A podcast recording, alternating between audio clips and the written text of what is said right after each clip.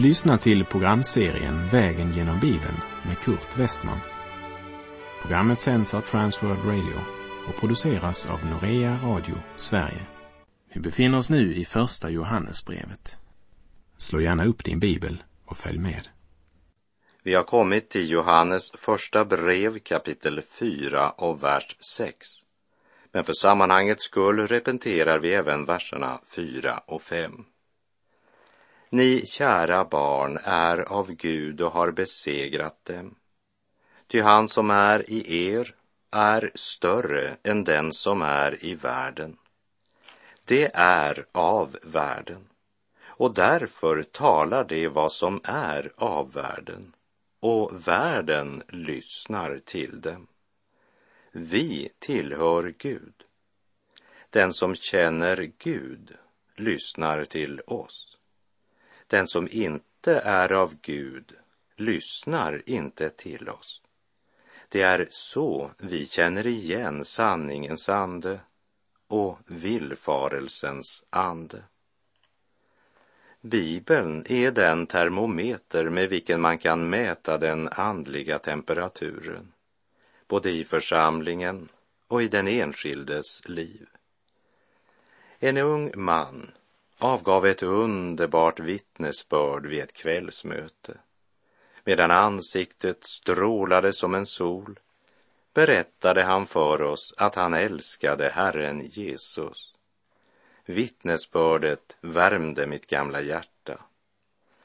Efter mötets slut så blev jag påmind att fråga den unge mannen hur mycket älskar du Jesus? Det är svårt att veta hur jag ska svara på den frågan eftersom det inte finns någon termometer som kan säga hur stor den värmen är, sa den unge mannen. Men jag har en sådan termometer, svarade jag. Och den är ganska precis. Vad är ditt förhållande till Guds ord?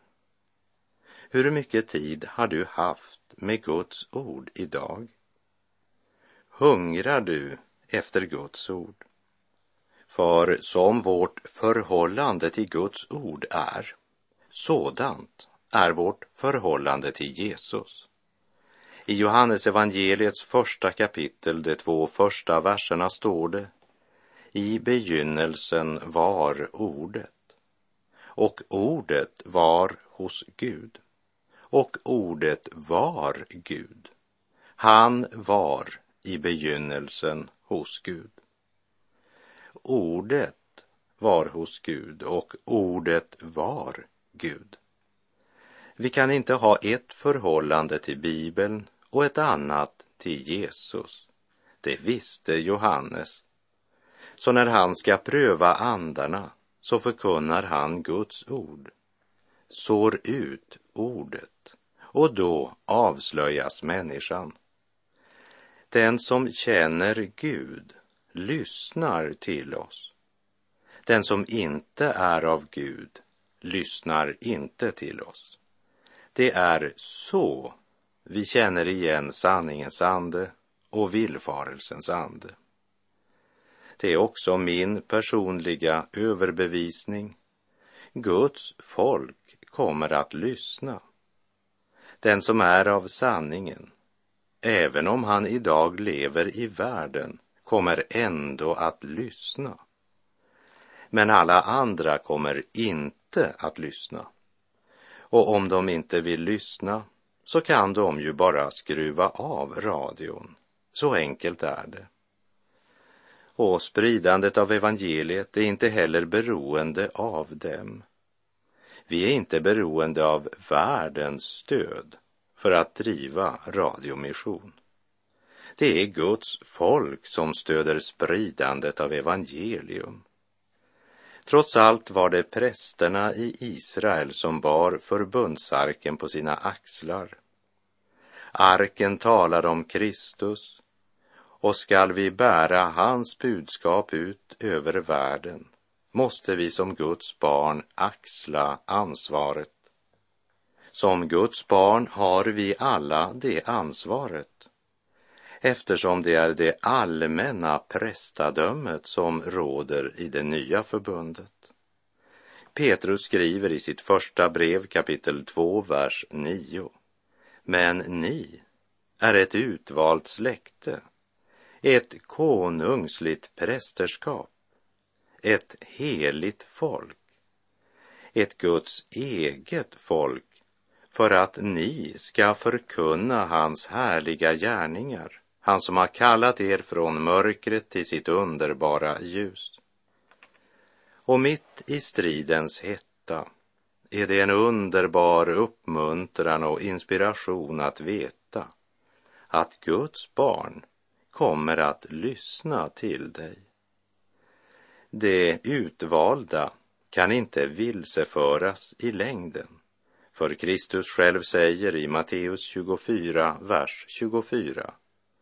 Ty falska messiasgestalter och falska profeter skall träda fram och göra stora tecken och under för att om möjligt bedra även de utvalda. Jag har nu sagt er detta i förväg. Och Paulus skriver till sin medarbetare Titus, kapitel 1, vers 1. Från Paulus, Guds tjänare och Jesu Kristi apostel, sänd att leda Guds utvalda till tro och till insikt om den sanning som hör till Guds fruktan.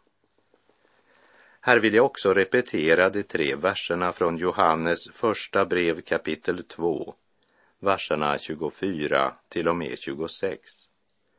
Låt det ni har hört från början förbli i er. Om det som ni har hört från början förblir i er, kommer ni också att förbli i Sonen och i Fadern. Och detta är vad han själv lovat oss, det eviga livet. Detta har jag skrivit till er med tanke på dem som försöker leda er vilse.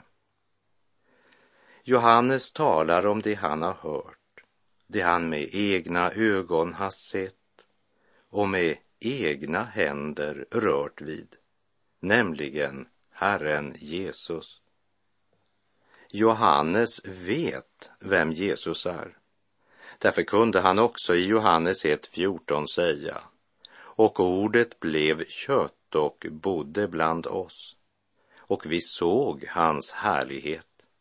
En härlighet som den enfödde har av Fadern och han var full av nåd och sanning. Och när Johannes ska tala om varför han skrev ner Johannes evangeliet så säger han i Johannes 20, vers 30 och 31. Många andra tecken som inte är nedskrivna i denna bok gjorde Jesus i sina lärjungars åsyn. Men dessa har blivit nedskrivna för att ni ska tro att Jesus är Messias, Guds son och för att ni genom tron skall ha liv i hans namn. Johannes hade otvivelaktiga, oförstörbara, ofrånkomliga bevis på att Jesus var den han gav sig ut för att vara. Det visste Johannes och det är något vi behöver ha klart för oss också idag. Och Johannes har genom sitt brev påmint oss om att den gyllene regel för att gripa en andlig verklighet, det är inte genom intellektuell strävan, men genom att vara lydig. Du minns bland annat från Johannes första brev kapitel 2, vers 4 och 5. Den som säger, jag känner honom och inte håller fast vid hans bud, han är en lögnare och sanningen finns inte i honom. Men hos den som håller fast vid hans ord har Guds kärlek verkligen nått sitt mål. Så vet vi att vi är i honom.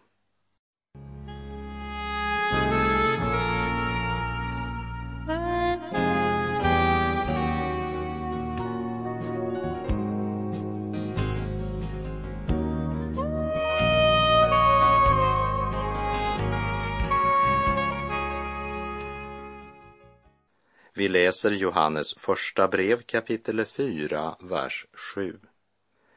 Mina älskade, låt oss älska varandra, ty kärleken är av Gud. Och var och en som älskar är född av Gud och känner Gud. Än en gång återvänder Johannes till temat kärlek.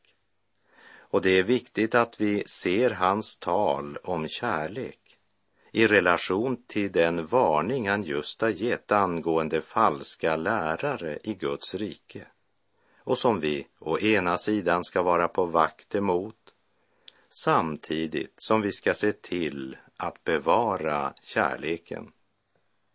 Paulus säger att vi ska inte längre vara barn som kastas hit och dit av vågorna och som förs bort av varje vindkast i läran när människorna bedriver sitt falska spel och i sin list förleder till villfarelse. Vi skall istället i kärlek hålla fast vid sanningen och i allt växa upp till honom som är huvudet, nämligen Kristus. Som det står i Efesebrevet 4, vers 14 och 15. I kärlek hålla fast vid sanningen. Ju bättre vi känner skriften och ju mera vi är förankrade och växer i tron på Guds son, desto mer kommer vi också att växa i inbördes enhet. Och inbördes enhet betyder inte likriktning. Men det talar om att ha fördrag med varandra och förlåta varandra. Det talar om barmhärtighet, ödmjukhet och tålamod. Och det talar om att låta Kristi frid regera våra hjärtan. Och det talar om att vi inte ska vara partiska. Kristus utrustade olika lemmar i församlingskroppen med olika nådegåvor och tjänster för att de troende skulle utvecklas från andliga spädbarn till full mognad i Kristus. Då kastas vi inte längre hit och dit av varje vindkast. Och det är viktigt i en tid som överflödar av människor som bedriver sitt falska spel och i sin list förleder till villfarelse. Agape, den gudomliga, fullkomliga kärleken, den är inte sentimental. Det handlar om något mera än ett känslosvall eller en klapp på axeln eller att visa ett brett leende. Sann kärlek ger sig helt konkreta utslag i allt det som möter oss i vardagen. Johannes påminner oss om hur nödvändigt det är att älska sina trossyskon, ja, också älska sina fiender därför att kärleken kommer från Gud. Johannes talar om den osjälviska, självuppoffrande kärleken. Kärleken som är tålmodig och god. Som inte är stridslysten, inte skrytsam och inte uppblåst. Inte heller utmanande. Kärleken som inte finner någon glädje i orätten men som gläds över sanningen och gläds med sanningen. En broder sa följande. Det står ju i Johannes första brev 4.7. Mina kära, låt oss älska varandra, ty kärleken kommer från Gud. När jag var ung student så använde jag den versen när jag skulle uppvakta en flicka. Jag sa min kära, Låt oss älska varandra, ty kärleken kommer från Gud. Men den kärlek jag tänkte på var inte den kärlek Johannes talar om i Johannes första brev kapitel 4. Det kan jag försäkra dig om. Så jag både misstolkade och missbrukade det bibelstället, sa den här mannen. Och jag måste erkänna, säger han, att eh, jag hade inte speciellt ädla motiv vid det tillfället. Johannes talar om den omsorg som ska känneteckna alla lemmar på Kristi kropp och som ska praktiseras i vår vardag. Och den kärleken kan vi inte producera själva. Den måste vi först ta emot av honom som är kärlekens källa, den evige Gud. Gud är den enda källan till den osjälviska, självutgivande kärleken som i vårt nya testamente beskrivs med ordet agape. Och av detta så drar Johannes den logiska konsekvensen att den som älskar sina bröder och sina systrar med den kärleken, han är född av Gud och känner Gud. Och omvänt, den som inte har någon kärlek till sina trossyskon känner inte Gud. Vi läser Johannes första brev kapitel 4, vers 8. Men den som inte älskar känner inte Gud eftersom Gud är kärlek. Johannes frågar inte om du älskar dina barn eller släktingar, men han frågar, älskar du andra troende? Andra Guds barn, även om de inte tillhör just din församling. Någon säger, ja, jag kan älska några av dem. Och det är ju en god början. Visst finns det troende som helt enkelt är otrevliga.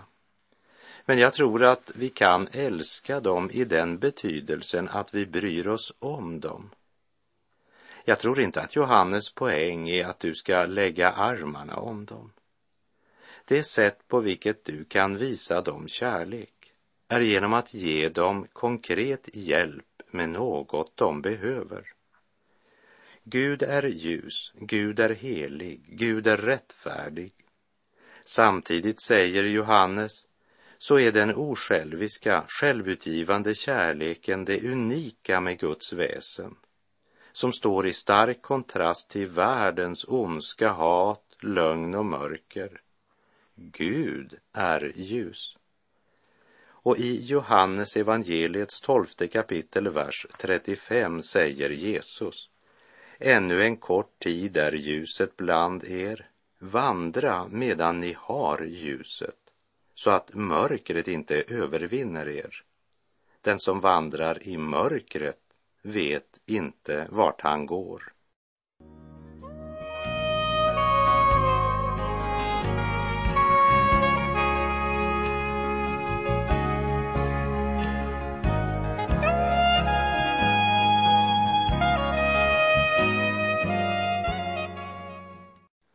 Gud är kärlek, men hur kan vi veta det? Här vill jag återge något som jag hörde berättas.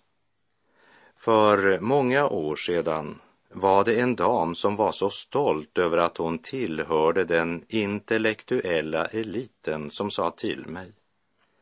Jag har ingen användning för Bibeln, för kristen vidskepelse och religiösa dogmer. Det är nog för mig att jag vet att Gud är kärlek. Ja, svarade jag, hur vet du det? Naturligtvis vet jag det, sa hon. Det vet alla. Och det är religion nog för mig. Jag behöver inga bibelska dogmer. Hur insåg du att Gud är kärlek? frågade jag. Hur? Det, det vet ju alla.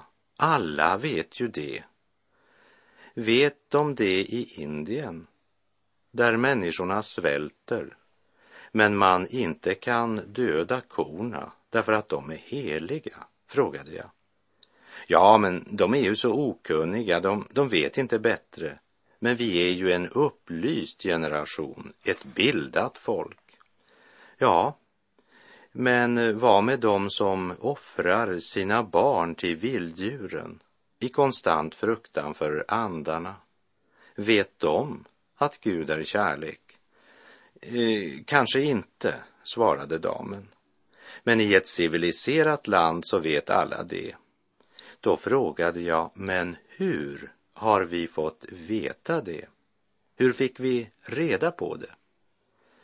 Eh, jag förstår inte vad du menar, sa damen, för jag har då alltid vetat det. Men då svarade jag, ingen i hela världen har hört om det förrän det blev uppenbarat från himlen och nerskrivet i Guds ord. Det är i Guds ord och ingen annanstans vi får denna sanning uppenbarad för oss. Du finner inte något om detta i den antika litteraturen. Vi läser Johannes första brev kapitel 4, vers 9. Så uppenbarades Guds kärlek för oss. Han sände sin enda son till världen för att vi skulle få liv genom honom. Guds kärlek finner du inte i naturen, även om det kan vara underbart att betrakta skapelsens skönhet. Men i naturen möter du djungelns lag, äta eller ätas. Guds kärlek finner du på Golgata. Det är platsen där Guds kärlek blev uppenbarad så uppenbarades Guds kärlek hos oss. Han sände sin enda son till världen för att vi skulle få liv genom honom. Och Paulus, han skriver i Romarbrevet 5, verserna 6 till och med 10. Medan vi ännu var svaga dog Kristus för alla de gudlösa när tiden var inne. Knappast vill någon dö för en rättfärdig Kanske går någon i döden för en som är god. Men Gud bevisar sin kärlek till oss medan vi ännu var syndare. Då vi nu har gjorts rättfärdiga genom hans blod ska vi av honom så mycket säkrare bli räddade från vreden. Ty om vi var Guds fiender och blev försonade med honom genom hans sons död, då ska vi, när vi nu är försonade, så mycket säkrare bli räddade genom hans sons liv. Och hör nu vad Johannes säger i Johannes första brev kapitel 4, vers 10. Detta är kärleken. Inte att vi har älskat Gud, utan att han har älskat oss och sänt sin son som ett försoningsoffer för våra synder. I kapitel 2, vers 2 sa han, han är det offer som sonar våra synder och inte bara våra utan hela världens. Jesus för världen givit sitt liv, öppnade ögon, Herre mig giv. Mig att förlossa offrar han sig, då han på korset dör och för mig. O, vilken kärlek, underbar sann. Aldrig har någon älskat som han. Frälst genom honom, lycklig och fri, vill jag hans egen evigt nu bli. Det är inte allt som sägs om Gud Kristus och den helige Ande som är lika klargörande. Men allt sammans samlar sig omkring detta stora huvudtema. Gud har sänt sin son till en försoning för alla våra synder. I honom har vi syndernas förlåtelse och evigt liv. Detta är kärleken. Inte att vi har älskat Gud, utan att han har älskat oss och sänt oss sin son som ett försoningsoffer för våra synder. En gåva kan man inte förtjäna, utan bara ta emot den eller förkasta den.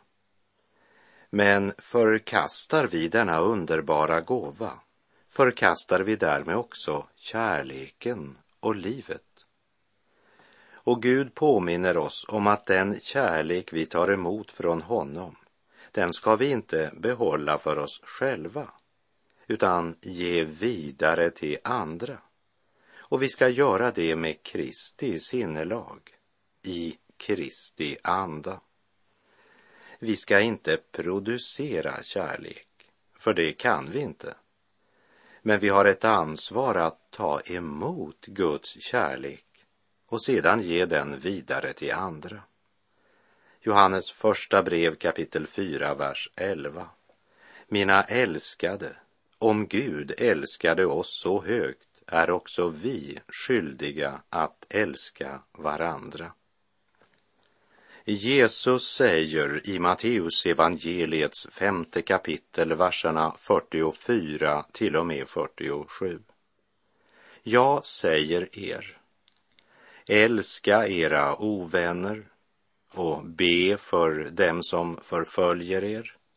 Då är ni min himmelske faders barn.